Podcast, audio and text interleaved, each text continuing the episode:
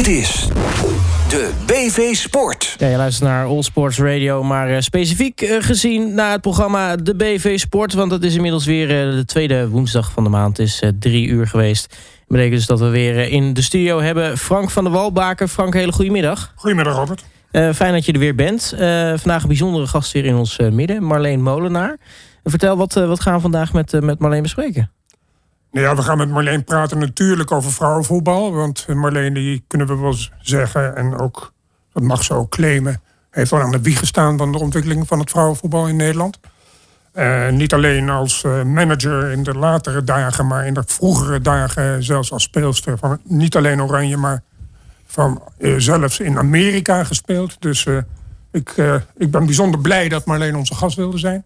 En we gaan straks uh, niet alleen praten natuurlijk over het vrouwenvoetbal, de speelwijze of wat dan ook, maar ook over de commercie rond uh, het vrouwenvoetbal. En uh, dat is natuurlijk met name het onderwerp van de BV Sport. Uiteraard. Nou, ik ben heel erg benieuwd dat zometeen. Eerst gaan we natuurlijk beginnen zoals we altijd beginnen, Frank, met het laatste nieuws. En volgens mij heb je weer behoorlijk wat meegenomen. Ja, ik moet elke week een keuze maken, want er gebeurt zoveel in de sport. Maar goed. Kill your darlings, hè? Ja, het, is, het houdt niet op. Maar het is maar goed ook. Het is fascinerend. We hebben de afgelopen weken regelmatig gesproken over een ontwikkeling in het golf. Het is een sport die niet vaak aan bod komt hier, maar ik wil het toch weer even meenemen. Want recent spraken wij over de door Saoedi-Arabië gefinancierde wilde, tussen aanhalingstekens, serie golftoernooien. En onder de naam Live Golf Invitational Series. Um, het is een serie toernooien. En die staan geprogrammeerd voor het hele jaar. En er zijn in totaal acht toernooien met een, een finale ronde in Miami. En de eerste ronde is in, in Engeland, het, natuurlijk het Golf Valhalla. En maar voor de series tot en met 2025, eh, die staan ze geprogrammeerd, is een bedrag uh, gereserveerd door Saudi-Arabië van 2,5 miljard dollars. Dus dat geeft wel even aan waar het grote geld vandaan komt in vandaag de dag in de sport. En dat het, het Midden-Oosten serieus is in hun ontwikkeling van sport. Omdat ze natuurlijk worden geconfronteerd met de situatie dat het olie en het gas, dat gaat eh, minder worden in de toekomst. En ze hebben andere bronnen van inkomsten nodig. En ze willen zichzelf gaan focussen op toerisme. En daar gebruiken ze sport voor. Ja, wat belangrijk is, de, de PGA in dit geval, die heeft iets van... Uh, daar nou, kom ik nu op. Dat is voor mij niet leuk. Dit toernooi, deze Invitational Series, gefinancierd door Saudi-Arabië... is georganiseerd volledig buiten de PGA om. En de PGA, zoals je weet, is de vakbond voor de spelers. En die staan, zogenaamd, staat de PGA voor de belangen van de spelers. Maar als er dit soort wilde toernooien worden georganiseerd, wilde dus nogmaals tussen aanhalingstekens, dan, eh, en met dit soort prijzengeld, dan kan je de spelers toch niet verbieden om daaraan deel te nemen. Vergelijk met tennis. we hebben de ATP bij het tennis en de WTA bij de vrouwen. Maar de spelers en de speelsters in het tenniscircuit mogen aan exhibition toernooien meedoen. Daar is geen enkele sanctie op. omdat daar veel geld te verdienen is. Dus het is een hele gekke situatie die er is ontstaan. Um, dus wat is er nu het geval? Ehm, ik noem even een paar namen. Phil Mickelson, Lee Westwood, Martin Keimer, Louis Oosterhuizen en Ian Poulter hebben zich allemaal al gecommit aan het lift-toernooi. En tot overmaat van ramp is de recente nummer 1 van de wereld, uh, Dustin Johnson, heeft ook getekend. Dus um, nu krijg je een situatie dat niet alleen de hele golfwereld vraagt zich af wat gaat hier gebeuren. PGA enerzijds, die wordt geacht de belangen te behartigen van de spelers. Anderzijds een serie toernooien waar sommige spelers zeggen... ja, je kan maar wat PGA, maar ik ga eraan deelnemen. En de PGA die dreigt, of die heeft die spelers al geblacklist. Die mogen niet meer deelnemen aan de PGA-toernooien.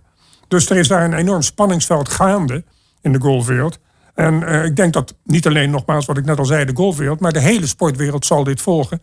Want dit zijn toch ontwikkelingen in de sport die kan je niet tegenhouden. Het grote geld is er, wordt geboden aan individuen... om mee te doen aan Waar gaat het schip, schip stranden? Ik vraag me af.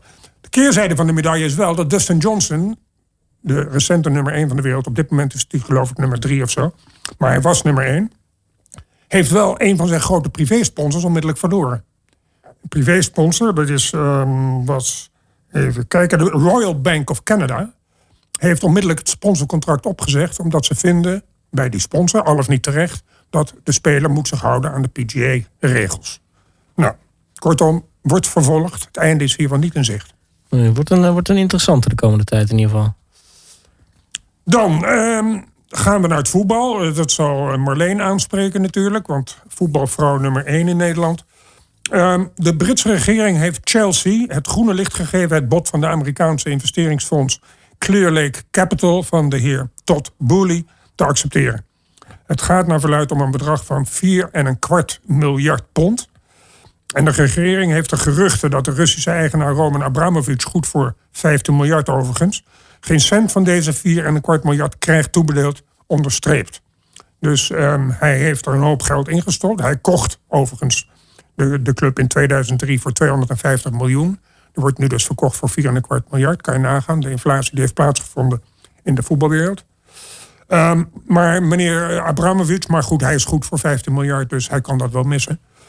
Maar meneer, die, meneer Todd Boehly, die, nieuwe eigenaar dus, um, is ook al eigenaar van de Major League Baseball franchise Los Angeles Dodger, Dodgers. Dus het is niet zomaar een hobbyist, het is niet zomaar een meneer. Het is een man die ervaring heeft uh, in sportmanagement en ook zijn geld verdient daarmee. Dus ik ben benieuwd wat er met Chelsea allemaal gaat gebeuren.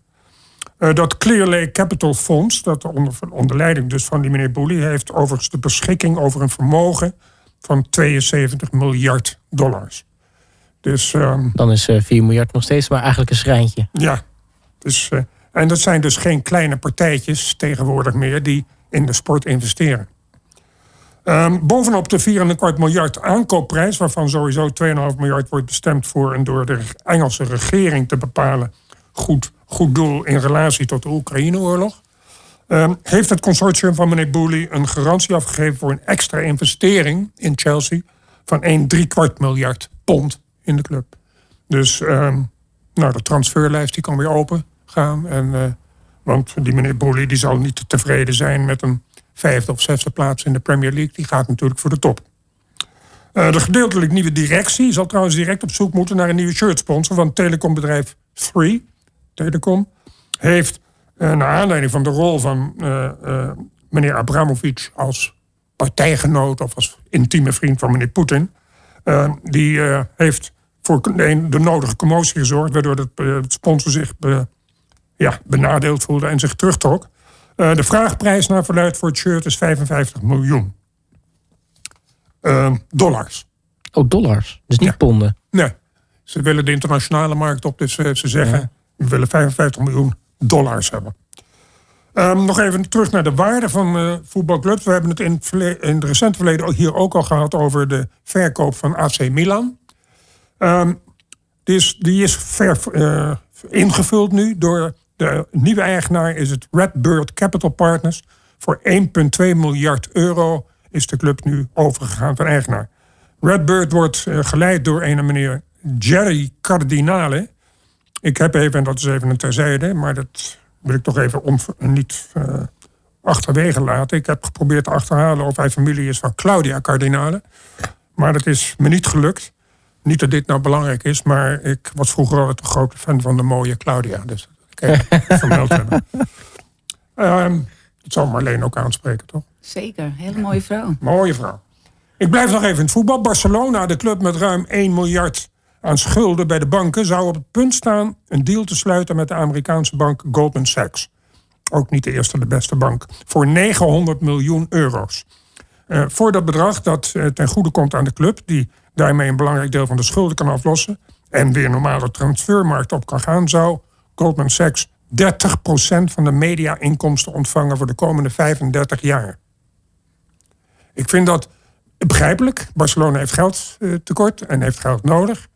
Maar ik vind het toch een, een, een risicovolle stap die ze hiermee maken. Want je geeft 35% weg. Volgende keer wordt het nog eens 10%. Ja. Nou, waar eindigt het? het? Het beantwoordt of het, het komt tegemoet aan de vraag die je constant stelt als sportgek wat is de toekomst van sport? Wie is straks eigenaar van de sport? En als de sport niet zelf meer eigenaar is, dan haal je de gevaar, het gevaar binnenskamers. En ik maak me nou ongerust over. Maar goed, deze deal komt na de deal van het in Luxemburg gevestigde CVC Capital Partners. Een, een deal die inhoudt dat datzelfde CVC voor 2 miljard euro's al een injectie heeft gegeven aan de Spaanse La Liga. En die krijgt daarvoor 8,25 procent van alle media-inkomsten voor de komende 50 jaar. Dus dit zijn allemaal ontwikkelingen. En ik ben ervan overtuigd dat Jan de Jong, de baas van de Eredivisie... hier ook naar kijkt en ook gaat overwegen om dit soort situaties in Nederland in ieder geval te beschouwen. In, in de verlenging van de contracten die met ESPN eh, over twee jaar moeten worden hervat. Ja, maar ook voor Barcelona bijvoorbeeld. Ik, ik, ik weet niet wat zij aan media-inkomsten per jaar halen en hoeveel dan 35% daarvan is. Maar het, het, het klinkt in ieder geval voor Goldman Sachs als een best wel goede deal eigenlijk. Ja, ben ik ook geneigd te zeggen. En Goldman Sachs is natuurlijk niet de eerste de beste bank. Er zitten een hele hoop geleerde mannen en vrouwen. En die hebben hun huiswerk goed gemaakt. Dus die, 900, die 900 miljoen zullen ze wel uittrekken de komende ja, die, en die gaan niet voor een percentage van 5% winst maken op geld. Nee. Die, die, die mannen en vrouwen daar die zijn alleen geïnteresseerd. Ze praten over 20, 25% winst. Minimaal. Dus uh, het, is, het is een uh, interessante ontwikkeling. En ook een gevaarlijke ontwikkeling, in mijn ogen. Uh, over verkopen gesproken. De geruchten dat Barcelona Frenkie de Jong zou verkopen... krijgen met de dag meer waarde. Manchester United, onder leiding natuurlijk van Erik ten Hag nu zou bereid zijn 60 miljoen plus 20 miljoen bonussen te betalen voor Frenkie. Die overigens de afgelopen dagen weer heeft aangetoond hoe goed hij is hè, in Oranje. Ben je met me eens, Marleen? Je was er gisteravond bij, hè? In ja, en, uh, ongelooflijk. Ongelooflijk hoe die man... Als je hem ziet voetballen, lijkt het allemaal heel makkelijk. Ja. En dan, en dan, en dan is het eigenlijk verbazingwekkend dat, dat Memphis zo weinig speeltijd krijgt. Ja, die zie je toch ook schitteren. Hij, je ziet hem waar, vaak ook gekke dingen doen. En dat je denkt van, goddorie, word eens wakker of doe eens normaal. Maar dat is een beetje inherent aan zijn speelstijl, denk ik. Zoals hij die derde goal eh, scoorde gisteravond in de laatste minuut. Van blessuretijd. Weer, weergaloos. Maar goed, eh, Frenkie de Jong die krijgt bij Barcelona niet echt de ruimte die hij moet hebben of die hij wil hebben. Dus dat hij over zou stappen naar Manchester United voor 60 tot 80 miljoen, dat ligt voor de hand. Uh, lijkt mij. Alhoewel ik me toch best wel ook weer een beetje ongerust maak. Want het Engelse voetbal is toch anders dan het Spaanse voetbal bij, uh, bij Wolves en bij eh, Aston Villa spelen zware jongens achterin. Die niet terugdeinzen voor een rotschop. En uh, Frenkie de Jong is natuurlijk een elegante voetballer, zou ik bijna willen zeggen. En die geeft die jongen een keer een rotschop. En hij is voor een heel seizoen uitgeschakeld. hij wil zelf, heb ik hem horen zeggen, het liefst in Barcelona blijven. Ja, dat zou hij ook wel willen. Dat denk ik ook wel. Dat past natuurlijk bij hem. Ja, precies. En, en, en alles. En zijn droomclub. Nou, ik vind dat is natuurlijk de andere kant van de medaille. Daar moet hij natuurlijk ook uh, aan denken. Hè? En zeker met zo'n WK. Je, het is natuurlijk doodzonde als... Uh, ik bedoel, Van Gaal heeft vertrouwen in hem. Maar als hij zijn ritme kwijt zou raken... doordat hij bijna niet speelt. Ja. We kijken naar wat met Donny gebeurd is natuurlijk. Uh... Ja. ja, en Marco van Basten is weer ook kapot geschopt in Italië. Ja, uiteindelijk wel. Goed, nog even, ik blijf nog even in het voetbal. Nog ook in Engeland. Dan ben je een shirtsponsor van een gerenommeerde Premier League club als Newcastle United. En dan wordt je vriendelijk doch dringend verteld uh, om op te zouten. Uh, dat is FUM88, dat is een gokbedrijf, overkomen. Uh, sinds de club in handen is van PIF, dat is het Public Investment Fund uit Saudi-Arabië wederom. gekocht voor 350 miljoen pond door die Saudis. Uh, wil de club hogerop en zal er ongetwijfeld binnenkort een groot bedrijf uit het Midden-Oosten op het zwart-witte shirt van Newcastle United verschijnen. Zo gaat dat meestal bij dat soort uh, bedrijven. Uh, het zou dan een bedrijf moeten zijn dat waarschijnlijk minstens het vierdubbele van de 6 miljoen die Fun 88 betaalde, uh, zal moeten gaan ophoesten. Ehm, en dan zul je mij vragen hoe kan het dat een club zomaar een contact kan verbreken? Nou, de nieuwe ontwikkelingen rond gokbedrijven die reclame maken via sportspeel, ehm, spelen in Engeland een, een rol. De Engelse regering is zelfs zover om al aan te kondigen dat het vanaf volgend jaar verboden is. Dus Newcastle United heeft een reden om te zeggen van over en uit, wij moeten met een ander soort sponsor in zee. Zonder dat het gokken zal worden. Dus uh, wordt even vervolgd ook weer, dit wederom. Nou, eigenlijk je een beetje de, de, de, de instroom van geld veranderen in de Engelse competitie. Van, vanuit Azië toch naar, naar echt het Midden-Oosten. Want dat was eerst natuurlijk al die Aziatische gokbedrijven die ineens zich uh, mengden. Met, uh, met uh, nou ja, sponsorships en teksten in, in, in, in tekens die de, de Engelsen zelf niet eens beheersen. Maar nu, nu zie je dus dat, dat toch Arabische ja, Midden-Oosten partijen zich gaan precies. mengen. En wat je ook ziet is de ontwikkeling van sponsorship naar ownership.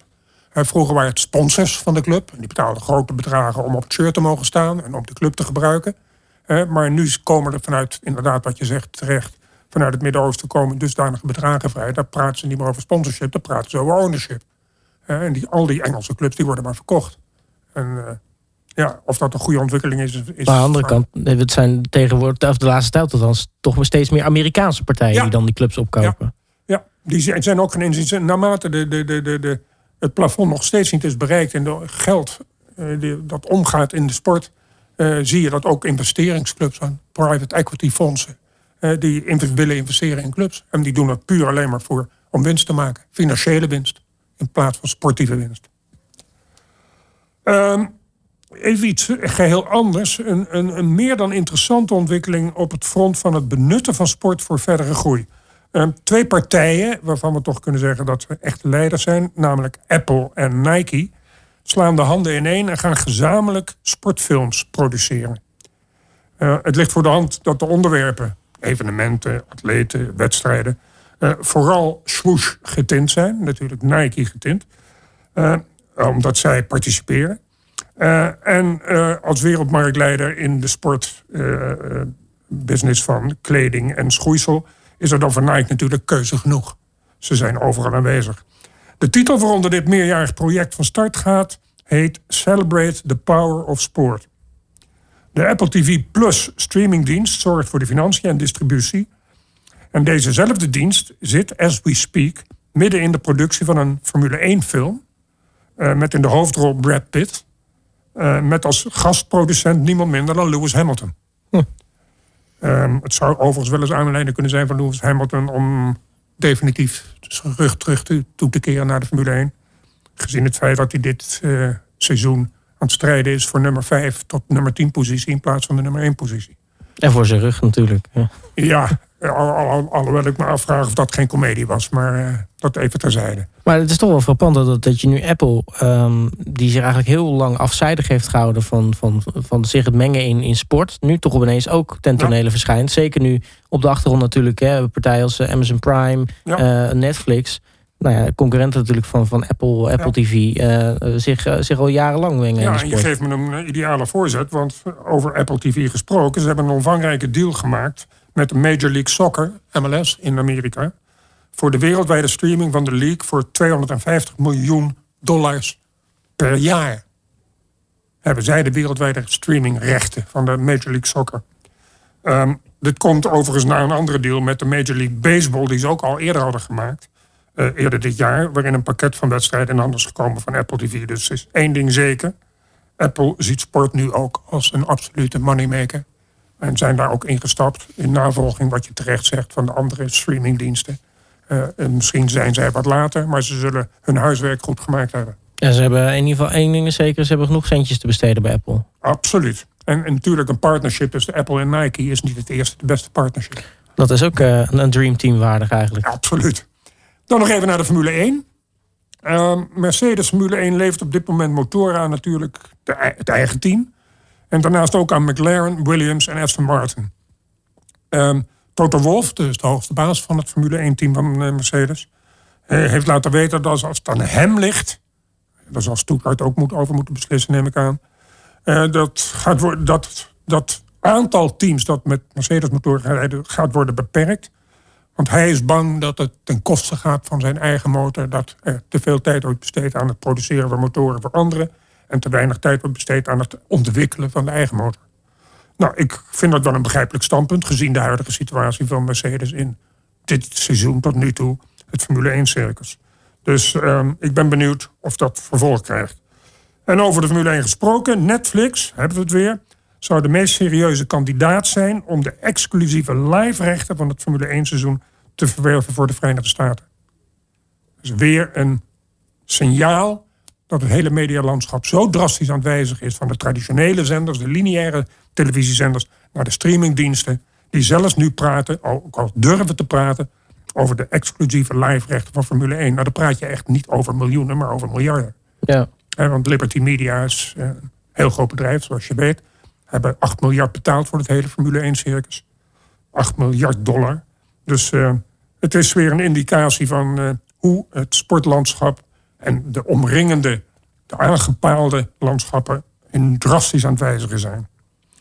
En tenslotte nog even over sport en nieuwe media gesproken. Um, iets wat zeer nadrukkelijk een grote verandering in de belevenis van sport bewerkstelligt. Apple gaat een dienst introduceren, heb je het weer, Apple, wederom, voor Apple-bezitters met exclusief sportnieuws, sporthighlights en rechtstreeks commentaar. Op je telefoon kan je dus de uitslagen krijgen, korte commentaren, highlights te zien krijgen. Dat is weer een hele nieuwe ontwikkeling die Apple gaat incorporeren in alle Apple smartphones die er op de wereld zijn. Dat zal ze natuurlijk weer een voorsprong gaan geven naar de grote concurrentie van de andere uh, smartphones. Allemaal ontwikkelingen overigens die de sport ten goede komen. Want hoe meer honden vechten om het been, hoe meer die prijs omhoog gaat. Ja, precies, en uh, nou ja, dan, dan, wordt er ook waarschijnlijk uh, veel meer geld uitgegeven. Absoluut. En voordat we overgaan dan naar een ongetwijfeld zeer interessant gesprek met onze gast vandaag, Marleen Molenaar, nog even een tweetal voorbeelden van de gekte in de voetbalwereld. In de eerste plaats Manchester City. Uh, opnieuw is de club uit Manchester, naast Manchester United natuurlijk, een club die eigenlijk de nummer 1 positie in Manchester heeft overgenomen van United. Um, is weer aan het licht gekomen met verdachte in, uh, financiële constructies. Die bedoeld lijken om de UEFA-regelgeving te omzeilen. Um, in 2020 werd City voor twee jaar geschorst door de UEFA, omdat werd geoordeeld dat de club fictieve sponsorinkomsten had opgevoerd om zo zwaarder te kunnen investeren in de selectie zonder de financial fair play regels te overtreden. Maar de Sheikh Club, dat noemen we ook maar even, hè, mm volgt die beslissing succesvol aan overigens bij het sporttribunaal CAS. Maar vorige week publiceerde het Duitse medium Der Spiegel documenten van het klokkenluidersplatform Football Leaks. Ehm, dat platform heeft nieuw licht weten te werpen op, op de verdenkingen. Uit mailverkeer van de clubofficial ontstaat namelijk de indruk dat rechtstreekse investeringen van de eigenaar uit Abu Dhabi, de Sheikh, zijn, uh, zijn verantwoord als sponsorinkomsten. Nou, dus hier is het laatste woord nog niet over gezegd. Het zou zomaar weer kunnen dat Manchester City wordt verbannen uit de Champions League door dit soort ontwikkelingen. En ik vind het ergens wel terecht, want, want we zien hetzelfde in Parijs gebeuren, bij Paris Saint-Germain. Ja, daar zijn ook allerlei ja, onwaarschijnlijke sponsorbedragen worden opgevoerd.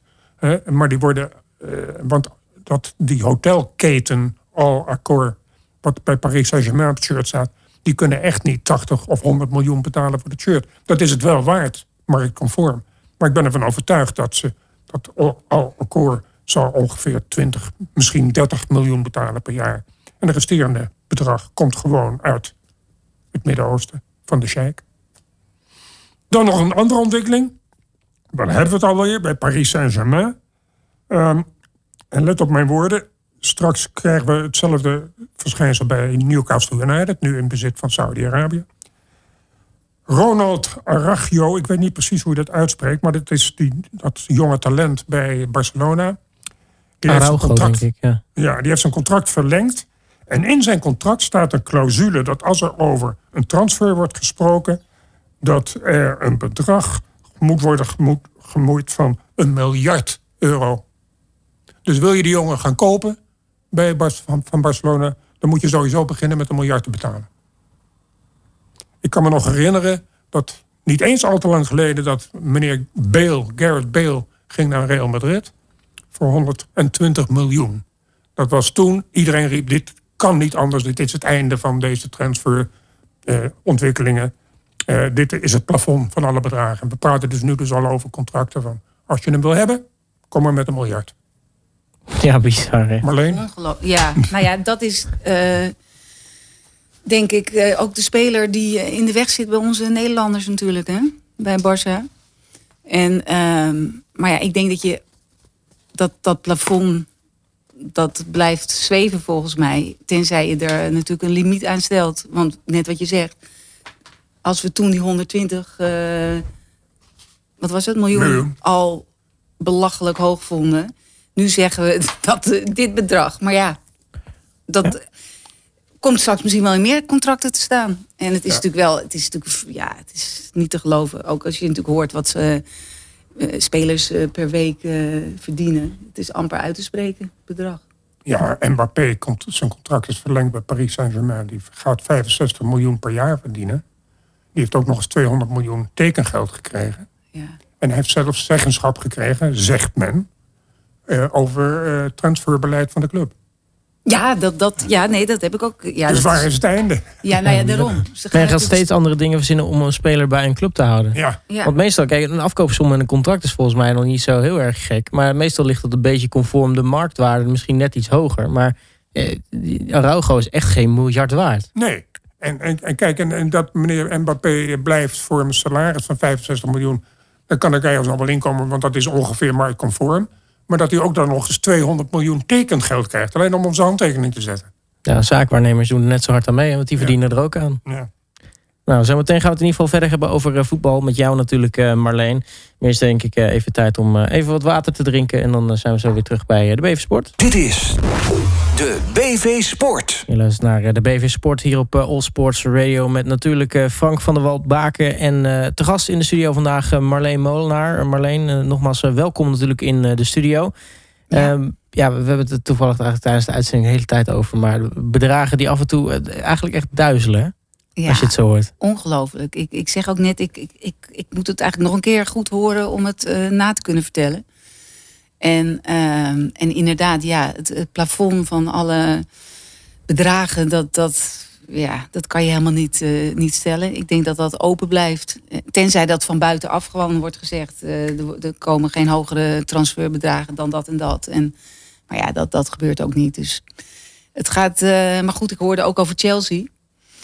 Nou ja, die hebben dus ook een, een vrouwenteam. En dan Kampioen geworden natuurlijk. Precies. En dan denk ik, nou, als, gaat er dan, worden daar ook nog afspraken over gemaakt? Uh, gaat daar dan ook, wordt er ook weer in die tak uh, geïnvesteerd? En um, nou, speelt ook een Nederlandse speelster. Dus dan, ja, dat mogen we niet vergeten, denk ik. Heb jij, heb jij enig idee, Marleen, wat een, een Vivian Miedema nu waard is? Die, die, die is, wordt in Engeland wordt ze echt gehuldigd constant. En... Ja, nou ja, waard is vind ik moeilijk om te zeggen, want ze zijn heel uh, de bedragen van. Hè, jij weet de inhoudelijke bepalingen van de contracten van uh, mannenspelers. Bij de vrouw is dat uh, nogal heel geheimzinnig. Maar wordt daar aan haar getrokken bijvoorbeeld? Nou, zij, ja, ze, zij kon haar contract liep af. En ze kon ja, best wel mogelijkheden om naar andere clubs te gaan. Maar toch besloten om, bij Arsenal te blijven. Om bij Arsenal te blijven. En daar is ook nog wel het een en ander over gezegd van waarom en hoe. En durft ze geen stap te nemen? Mhm. waar zit hem dat nou in?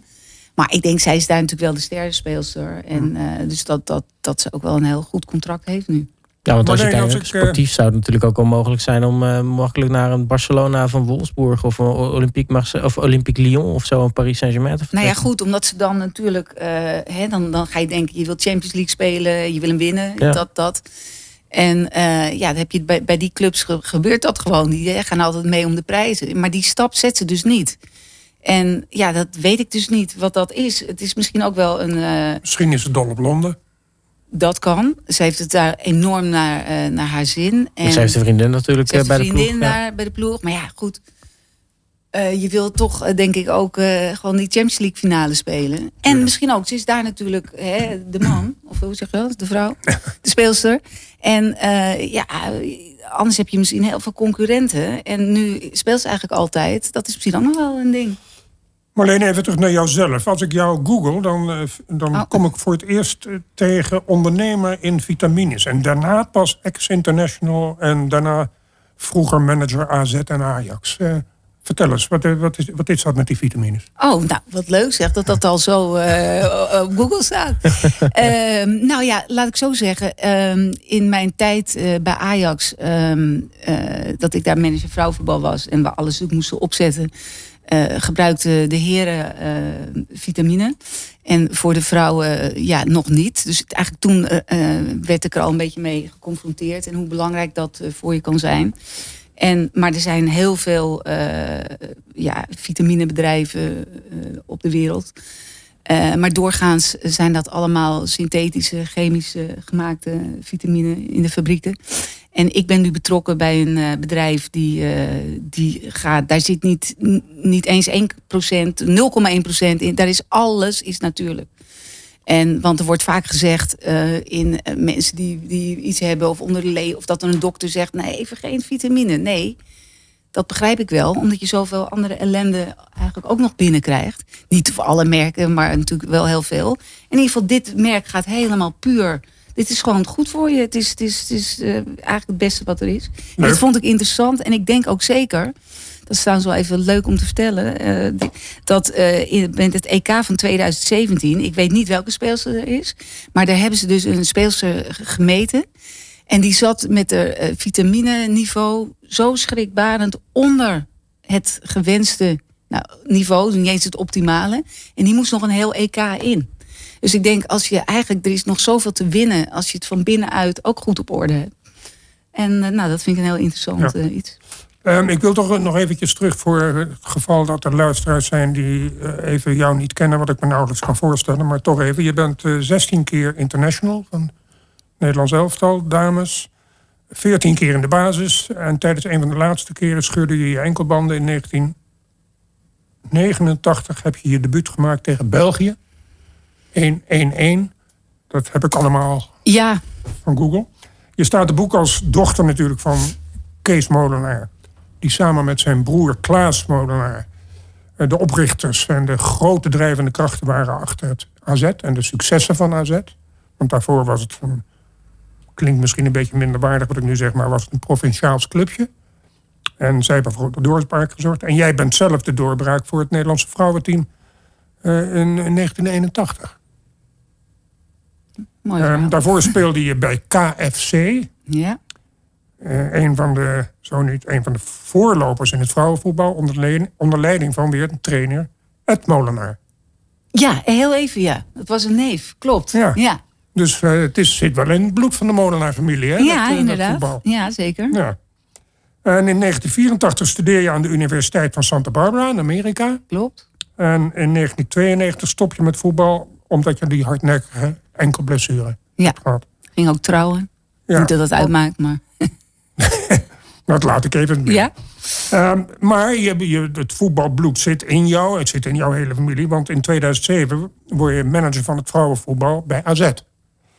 En, en nodig je notabene Louis van Gaal uit om een keer een training te geven ja. voor de AZ-vrouwen. En Louis van Gaal kennende doet hij dat graag natuurlijk. En Zeker. Leuk dat, je dat, uh, dat dat gelukt is en dat hij dat ook doet. In 2010 verlaat je AZ. Waarom? Ja, nou, um, we hadden de, eigenlijk de DSB-affaire. en uh, nou ja, dat weet natuurlijk iedereen nog wel, wat daar allemaal aan de hand was. En uh, ja, er moesten gewoon keuzes gemaakt worden. En ik, er gingen een aantal mensen weg. Louis van Gaal, Marcel Brands.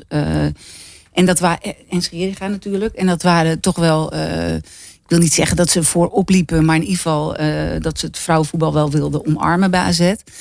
En uh, toen kwam Ernest Stewart. En toen dacht ik nog, nou, hè, Amerikaan. En, uh, maar daar merkte ik eigenlijk al in het gesprek dat zo van, nou ja, we willen er wel vanaf. En uh, ja, dat was natuurlijk doodzonde, want we hebben drie jaar lang, de eerste drie jaar van de Eredivisie, zijn we kampioen geworden achter elkaar. En, en, het staat op jouw konto. Ja, en het had nu, als ik denk er nog eens aan terug, oh, als we dat hadden kunnen houden, als het aan Schering had gelegen. Maar het was, hij was natuurlijk inverwikkeld, want hij was natuurlijk de hoofdsponsor. En, maar als dat los was geweest, had hij zeker een stem ge, uh, gehad van we moeten dit gewoon uh, houden. Want het was nou ook niet dat het zo waanzinnig op de begroting drukte. Maar als je denkt eigenlijk hoe je het toen al had opgezet en ja, waar had je dan nu gestaan? Ja, dat is eigenlijk heel jammer. Ja, want uh, natuurlijk het AZ-bloed is primair bij jou. Maar goed, dan ga je naar best wel de grote concurrent, ga je naar Ajax. Ja. Word je gevraagd? Ja. ja, dat klopt. Ik was wel altijd... Ik zat een beetje tussen de, de clubs en de KNVB in qua mijn gevoel. Omdat ik het, het vrouwenvoetbal wat over een groter geheel wilde zien. Dus dat ik niet uh, zou denken, ik wilde geen concurrenten bij. Want dat, dat zou, uh, wat moeten we met uh, Feyenoord, Ajax en PSV als ik AZ al heb. Maar je moet natuurlijk ruimer denken. Dus ik heb altijd wel mijn kans gepakt als ik mensen in de bestuurskamer zag van goh, wordt het niet eens tijd dat jullie ermee gaan starten? En um, nou, dus ik sprak ook wel eens mensen bij Ajax, maar natuurlijk niet heel vaak. In de bestuurskamer bij AZ bijvoorbeeld. Maar dat heb ik ook bij Feyenoord gedaan. En, en toen werd ik op een gegeven moment uh, gebeld door Van der Aat. En die zei van nou, de, ja, nu is de kogel door de kerk. We willen gaan starten, maar dan willen we wel graag dat jij het gaat doen bij ons. En zo uh, geschieden. En dat heb je gedaan. En in 2016, 17 het seizoen uh, win je zowel de beker als de landstitel. Ja. Dus het succes uh, ging wel met jou mee.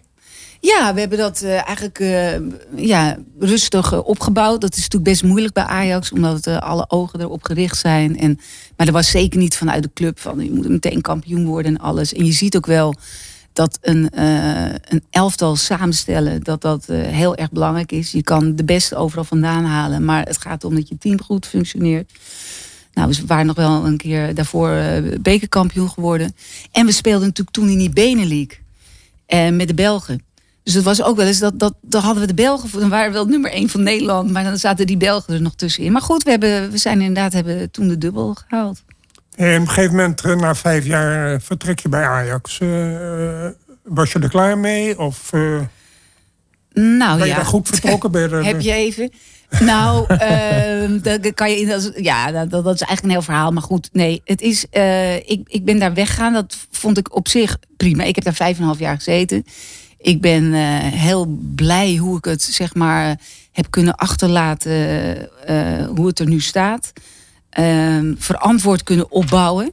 Dus dat je elke stap, of elk jaar zeg maar, een stapje verder kan gaan en nooit terug hoeft te gaan. Dat is echt wel met beleid gebeurd. En het, het idee dat je eigenlijk bij Ajax, bij zo'n grote club, wel honderd laadjes moet opentrekken. dat, dat me dat in die, die vijf jaar ook is gelukt. En dat ze in ieder geval allemaal open zijn gegaan. En ja, en dan op een gegeven moment ja, is er dan dus een, een tijd gekomen dat het dus anders liep. Nou, ik kreeg eigenlijk een beetje. ik ben natuurlijk ook niet gek. Ik ging een beetje één plus één bij elkaar optellen. En um, toen dacht ik, hé, hey, ze zijn misschien dat of dat van plan. En ik vond dat een heel goed idee. Hè, wie dan mijn opvolger zou kunnen worden. En dan gaat het om Daphne Koster. Want sterker nog, ik heb ook tegen haar gezegd: uh, van luister, als jij ooit stopt uh, met voetbal, dan ga jij niet weg bij Ajax. Want ik denk, ja, dat is natuurlijk hartstikke uh, mooi. Die vrouw heeft veel bereikt. En die kunnen we goed gebruiken. En dan hè, samen zijn we sterk. Maar zij, ja, uiteindelijk. Maar goed, dat is veel te lang om uit te leggen. Maar was dan het idee dat, dat zij dat dan op zou moeten gaan volgen? En ik zou dat vanuit Ajax zou ik dat iets anders gemanaged hebben richting mij. Ik zou daar gewoon uh, één zin over uitgesproken hebben en dan was het prima geweest. En nu moest ik daar zelf een beetje achter komen. En uh, ja, waardoor dat wat ja, onhandig is gelopen. Maar uiteindelijk is het goed zo. Prima. Maar goed, je bent er vertrokken. Waar was Ajax gewoon de beste ploeg bij het vrouwenvoetbal? Nu ja. is, is Twente dat. Hoe kan dat? Ja, ja, hoe komt dat? Ja, ik, inderdaad, want dat seizoen daarop uh, werden we natuurlijk ook nog, uh, pakten we de dubbel. Maar dat was eigenlijk ook nog ja, mijn team, mijn selectie. Maar goed, dat staat natuurlijk officieel niet, uh, niet op mijn naam. Maar dat maakt ook helemaal niet uit. Ja, er is denk ik toch een, een ander beleid nu. Wij hadden toen op een gegeven moment... Ik neem aan dat de Ajax-vrouwen een hoger budget hebben dan de Twente. Ja, ja, dat ga ik wel heel erg vanuit. Tenminste, zo heb ik het wel achtergelaten, zeg maar. En, um, maar ja, goed, ja, er komt misschien meer voor kijken. En kijk, we hadden toen wel een heel sterk team. En in dat jaar dat ik dan, ik ben halverwege het jaar weggegaan. Dus dat was ook een beetje gek. En, um, en toen zijn aan het einde van dat seizoen ook heel veel speelsters uh, vertrokken. En ja, ik heb het idee dat ze nu uh, meer met, uh, met de jongeren bezig zijn. Maar ja, ik zelf vind ik, ja, de successen die haal je uit een, een, een team met ervaren spelers en met talenten. En dat moet gewoon een hele mooie mix zijn. En nu is bijvoorbeeld Stephanie van der Gracht, wat toch, nou ja, in ieder geval mm vorige WK en, en EK tot ja, de beste verdedigster van, van de wereld uh, behoorde. Nou ja, dus zeker in Nederland. En daar, haar contract wordt nu niet verlengd. En daar hebben ze natuurlijk een reden voor. En of ze kwamen niet uit, zaten niet op één lijn. Mhm. Dus daar is wel iets uh, aan de hand dat ze het anders willen inzetten. En, uh, en dat heeft misschien nog wel even tijd nodig. Maar ik vind wel als Ajax moet je toch ja, wel een beetje aan de top. Ja, dat zit dus natuurlijk wel, maar je moet het wel voor het zeggen hebben. Ja, het is toch ook een beetje pijnlijk als dan bijvoorbeeld, uh, dat is een aantal seizoenen geleden al gebeurd, maar een Desiree van Lunteren dan naar PSV vertrekt. Bij Ajax vandaan. Ja, ja. Nou ja, dat is ook, dat vind ik ook, want die ken ik natuurlijk alsnog er was nog een klein grietje die vanuit. Uh, wij moesten in die tijd binnen drie weken een team formeren. En zij kwam met haar overschrijdingsformulier onder de arm al aan. Vanaf Telstar. Van nou, als ik niet bij Ajax wil spelen, dan, uh, dan stop ik ermee. Zo is zij ook wel een beetje. Dus wat er is gebeurd, weet ik ook niet precies. Je kan het ook positief uitleggen en zeggen: ja, zij heeft zoveel jaar bij IJs gespeeld. Er was misschien tijd voor, uh, voor een andere stap. Daar kan ik natuurlijk niet over nou, maar bedoel, Het is wel een ervaren speelster die dan ja, dat vertrekt is, bij, ja, uh, bij Ja, en we hadden nu ook, uh, we zeg ik. Maar Kelly Zeeman was toch ook international. En die had een hele zware blessure opgelopen. Ehm, nou, dan zeg je, denk je, die heeft toch wat, wel, wel wat credits. Maar die heeft helemaal geen minuten gemaakt. Daar kan ik natuurlijk niet over oordelen. Want ik weet niet, ik sta niet bij die trainingen. En ik, ik weet dat niet. Maar het lijkt wel alsof ja, de jonge garde uh, ja, echt de kans gaat kijken. Maar goed, Twente heeft ook eigenlijk een, uh, altijd een heel jong team. Ik wil even de stap maken van Ajax naar Oranje. Ehm, de Oranje Leeuwinnen doen het goed. Hè? We zijn Europees kampioen. tweede in het WK. niet onterecht, wat ik heb gezien. Um, wat vind jij ervan, van het Nederlands elftal? Ja, nou goed. Ik ben heel erg benieuwd uh, hoe we gaan uh, presteren op het EK. Ja, want we hebben een nieuwe coach, een Engelse coach. Ja, we hebben, ja, en uh, een jonge vent is dat. En er zijn volgens mij acht debutanten. En dus hij heeft best wel wat keuzes moeten maken. Ben je het eens met de keuze van de Engelse coach? nou, ik ben zelf heel erg voorstander, maar heel veel mensen niet. Maar ik vind eigenlijk uh, dat je gewoon uh, bij een nationale selectie moet je gewoon een, een, coach van je eigen land hebben. Heel veel mensen vinden dat niet, maar dat vind ik wel. Ik, en dat, dat is bij mij tot uiting gekomen. Daar had ik ontzettend veel moeite mee. Toen met Guus Hedding, die ik ook persoonlijk ken. En die toen uh, van Rusland de coach was. En dat, dat we toen op het EK. ik vond dat zo. Ik, ik kon dat niet rijmen. Ik denk, dat is onze man en die staat bij de Russen. En die, dus ik ben heel erg voorstander van uh, Nederlands coach bij een Nederlands team. Maar, Als het om oranje gaat. Hè, want bij het voetbal, uh, of bij, bij, bij de clubteams, is het natuurlijk, uh, hebben alles om elkaar. Maar laten we dit nou gewoon heilig houden. En ik snap dat het dan voor Andorra lastig wordt. Maar ja, dat is dan niet anders. Maar ja, we hebben natuurlijk in het verleden ook succes gehad. We denken bijvoorbeeld aan Ernst Appel bij de mannen en zo. Met buitenlandse ja. bondscoaches. Maar um, wie, wie had, welke Nederlandse coach had in jouw ogen bijvoorbeeld dan Serena Wiegman... die toch echt nou ja, een, een behoorlijk grote, grote schoenen achterliet om te vullen, zeg maar? Ja, dat is natuurlijk ook heel moeilijk. Ik, uh, ik heb het idee dat mannencoaches nog niet uh, echt uh, staan te trappelen dan om dat te doen. Alhoewel, ik vind die tijd is nu achterhaald. En soms verspreken ze zich ook nog wel eens door te zeggen ik voeg me bij uh, vrouwentak, dan uh, kan ik een sprongetje maken naar hogerop. Dat is natuurlijk ook niet altijd, mag je denken, maar dan moet je het ook niet uitspreken. Maar goed, we hebben nu eigenlijk al, ja, Jessica Torney, dat is een assistent. Maar goed, die heeft zelf gezegd dat ze daar nog niet rijp voor was. Het is ook moeilijk. Het is ook moeilijk, maar goed. maar bij de mannen wordt wel gesproken, ook al, hè, we hadden het over cardiola en alles. En denk ik, nou, uh, hadden inderdaad Koeman, ja, die is ook geworden, maar dat vind ik gewoon dat dat zo moet. Ga, gaat, uh, eventjes een zijstapje, gaat de ontwikkeling van vrouwenvoetbal uh, naar jouw mening hard genoeg? Het, het, zit behoorlijk in de lift de afgelopen jaren, mede door de successen van de Leeuwinnen, ja. Oranje Leeuwinnen. Gaat het hard genoeg in jouw ogen? Nou, ik denk dat nu het, het, met dit EK dat we ook weer echt goede stappen kunnen maken. Want we hebben natuurlijk ook geen echt andere hele grote events. Hè. Van de mannen, dat wordt in de winter gespeeld. Dus er zal, en, en alle, met sponsoring, en gaat ook niet naar de mannen, maar allemaal naar de vrouwen. Dus er zal heel veel aandacht voor komen. Ook natuurlijk veel op tv en dingen. En, uh, dus ik denk dat ze hier nu echt wel dan weer hun slag kunnen slaan. En dat in het verlengde daarvan, dat de clubs dat nu ook echt moeten gaan omarmen. En ik, ja. Nou, daar wil ik het even met je over hebben. Want uh, Waarom hebben wij niet, eh, misschien is dit een hele domme vraag, maar ik stel hem toch. Um, waarom zou de KNVB niet aan alle clubs in het betaalde voetbal, bij de mannen dus, verplicht stellen als onderdeel van de, licentieverlening, dat zij ook een vrouwenafdeling hebben? Waarom duurt dat zo lang? Waarom? waarom?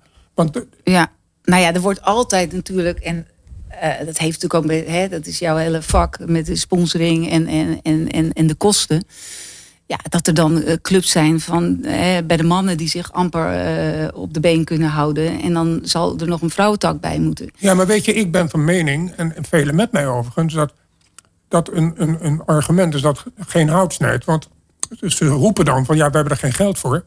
Maar je kunt als je vrouwenvoetbal in je hele huishouding opneemt, kun je ander soort sponsors aantrekken, extra sponsors aantrekken. En je bestaande sponsors zullen nooit van zijn leven zeggen: ja, we willen dat vrouwenvoetbal niet, want dan verliezen ze zelf hun, hun handel. want het is bijna een soort legitieme chantage die je zou kunnen toepassen op je bestaande sponsors. Wij willen ook vrouwenvoetbal, dus je moet maar even meedoen. Ja. En, en dus ik vind dat een beetje een goedkoop argument van de clubs. Ik vind het een beetje een onkundig argument van de clubs. Dat ze het geld aanvoeren waarom zij niet aan vrouwenvoetbal doen. Ja, nou ja, maar goed, dat, dat, dat gebeurt dus wel. Ja. Maar dan, is het, dan ga je natuurlijk al een stap verder. Uh, kijk, het is natuurlijk helemaal uh, jouw vak. En ik zou zeggen tegen de KNVB van uh, ga eens met Frank praten. En, en met alle clubs. Want dan moet er natuurlijk ook weer iemand binnen de club zijn die dat gaat oppakken. Kijk, dat kost dan ook weer geld. Want dan moeten ze iemand vrijmaken die zegt, nou jij gaat. Want alles wat er maar extra bij komt. Want de prioriteit zijn dan de mannen. En dan gaan ze weer geen tijd besteden om dat voor de vrouwen op te pakken. Ja. Maar goed, ik. Uh, en het is natuurlijk ook zo dat er. Uh, de KNVB wil wel naar 200.000 uh, vrouwenvoetbalsters. En uh, we hebben natuurlijk veel minder mannen die spelen. En het zou ook als je dat nu. Stel dat die regel nu al ingegaan zou zijn, dan zouden we dus volgend jaar 18 uh, BVO's hebben. Dan gaat natuurlijk het niveau. Daar zijn we eigenlijk nog niet aan toe. Maar ik ben het er wel mee eens. En, en, ik, en ik hoop, want het in mijn tijd dat ik er zat, werd daar natuurlijk ook al over gesproken, deze, deze optie. Dat dat nog wel hoog in hun gedachten zit. Om, uh, om dit als in een soort uh, jarenplan. Dat, ze, dat dat gewoon wel moet gaan gebeuren. En, maar goed, dat is nu. Want dan krijg je weer van, nou, we hebben een wedstrijd gezien en het, niveau. dan zijn de, de, de speelsters nog veel te jong. Ja. ja Marleen, misschien een heel ander smaakje in het vrouwenvoetbal. Maar hoeveel ruimte is er in Nederland, denk je, voor een, een, een, een dedicated vrouwenvoetbalclub? Zoals je bijvoorbeeld in Scandinavië veel ziet, maar denk bijvoorbeeld in Duitsland aan FFV Frankfurt. Ja, ja, nou ja, er heeft wel eens iemand tegen mij gezegd: waarom uh, zet je geen, uh, geen club op met die, die, die en die? Uh, ja, maar goed, dat is dus altijd de vraag. Want we hebben natuurlijk ook gehad. moet je als BVO moet je dan aan de club verbonden zijn? Of moet je juist in een stichting? Dat is natuurlijk in dat. We zijn toch nog wel aan de pionieren geweest. Wat is nou de beste oplossing? Nou, of dit zou gaan gebeuren, dat vraag ik me af. Maar, ik denk... maar ambieer jij zelf nog iets in het voetbal? Nou, ik merk wel dat ik was gisteren dus in in de Kuip. En uh, dan kom je natuurlijk een heleboel mensen weer tegen. En ook van de KNVB. En dan vraagt dat ook iedereen, doe je nog wat? En dan, dan denk ik, ja, ik ben altijd nog, voel me erbij betrokken. En uh, ik zal het altijd blijven uitdragen. En ja, als er ooit iets, iets, iets op mijn pad komt, dan zal ik er altijd wel open voor staan. Maar goed, wat ik, nog, wat, wat ik wel mooi vond nog, ik las van PSV dat die nu gezegd hebben, PSV-vrouwen, dat ze nog zoveel te dromen hebben. En die spreken gewoon uit, wij gaan, uh, we omarmen het al, maar we gaan dat de komende zoveel jaar, gaan we dat nog veel meer doen. En zodat de dromen uh, waarheid kunnen worden. En dat heeft eigenlijk Barcelona ook gedaan. Hè? Die hebben pas vanaf 2015, zijn ze echt gaan investeren erin. En ja, dan heeft het dus toch weer met geld te maken. En hoe kom je eraan? Goede sponsors. Nou, dan moet je mensen uh, inhuren die dat, die dat kunnen verzorgen. En uh, ik denk dan dat je echt wel stappen kan maken. Ook dan op internationaal niveau. Dat je niet je eerste Champions League wedstrijd... dat je er weer uit ligt. Want ik zou me kunnen voorstellen dat met het komende EK in Engeland... voor de vrouwen deze zomer dat er behoefte is aan sowieso analisten.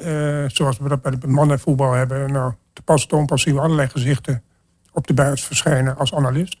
Wie zit er straks bij het vrouwenvoetbal als analist? Nou, ik ben niet gebeld, dus ik niet.